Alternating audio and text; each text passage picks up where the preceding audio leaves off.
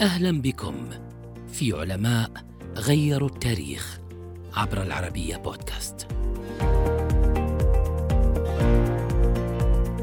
أول من نقل العلوم الفلسفية اليونانية إلى اللغة العربية فاستحق لقب أبو الفلسفة العربية أبو يوسف يعقوب بن إسحاق بن الأشعث الكندي. يرجح أنه ولد بالكوفة في العراق عام 800 ولد لأسرة مرموقة فكان والده واليا على الكوفة وعرف باسم الكندي نسبة إلى قبيلة كندة التي انحدر منها. شهد رحيل أبيه صغيرا وسافر مع والدته إلى البصرة التي ترعرع فيها وتعلم علوم اللغة والأدب والدين. ولما نضج قصد الكندي بغداد فاقتحم عالم الفلسفة وعمل مشرفا في بيت الحكمة على ترجمة الأعمال الفلسفية من اليونانية إلى العربية. كان مقربا من الخليفة المأمون وأخيه المعتصم بالله ما ساعده على إثراء البحث الإسلامي في مختلف المجالات. عمل الكندي على تكييف الفلسفة اليونانية لتتلائم مع التعاليم الإسلامية واعتمد على التجربة في دحض بعض آرائهم.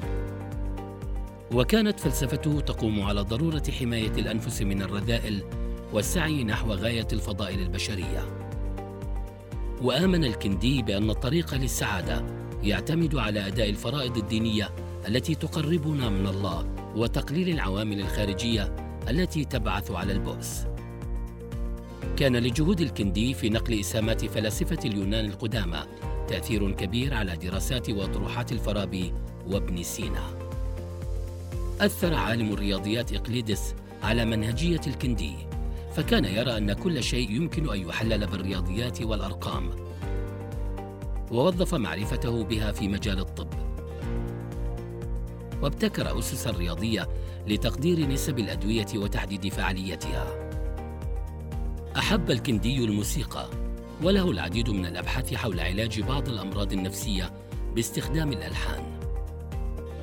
رسالة الكندي في استخراج المعمي قدمت وصفا مبكرا حول تحليل الشفرات وسطرت اسمه واحدا من رواد هذا العلم.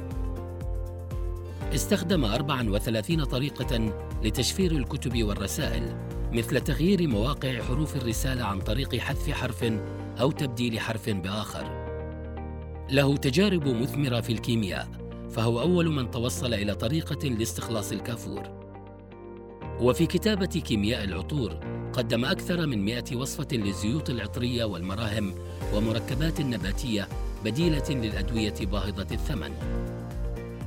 في عصر الخليفة المتوكل دبرت ضده مؤامرة من بعض الوشاة في بيت الحكمة فصدرت جميع كتبه لسنوات.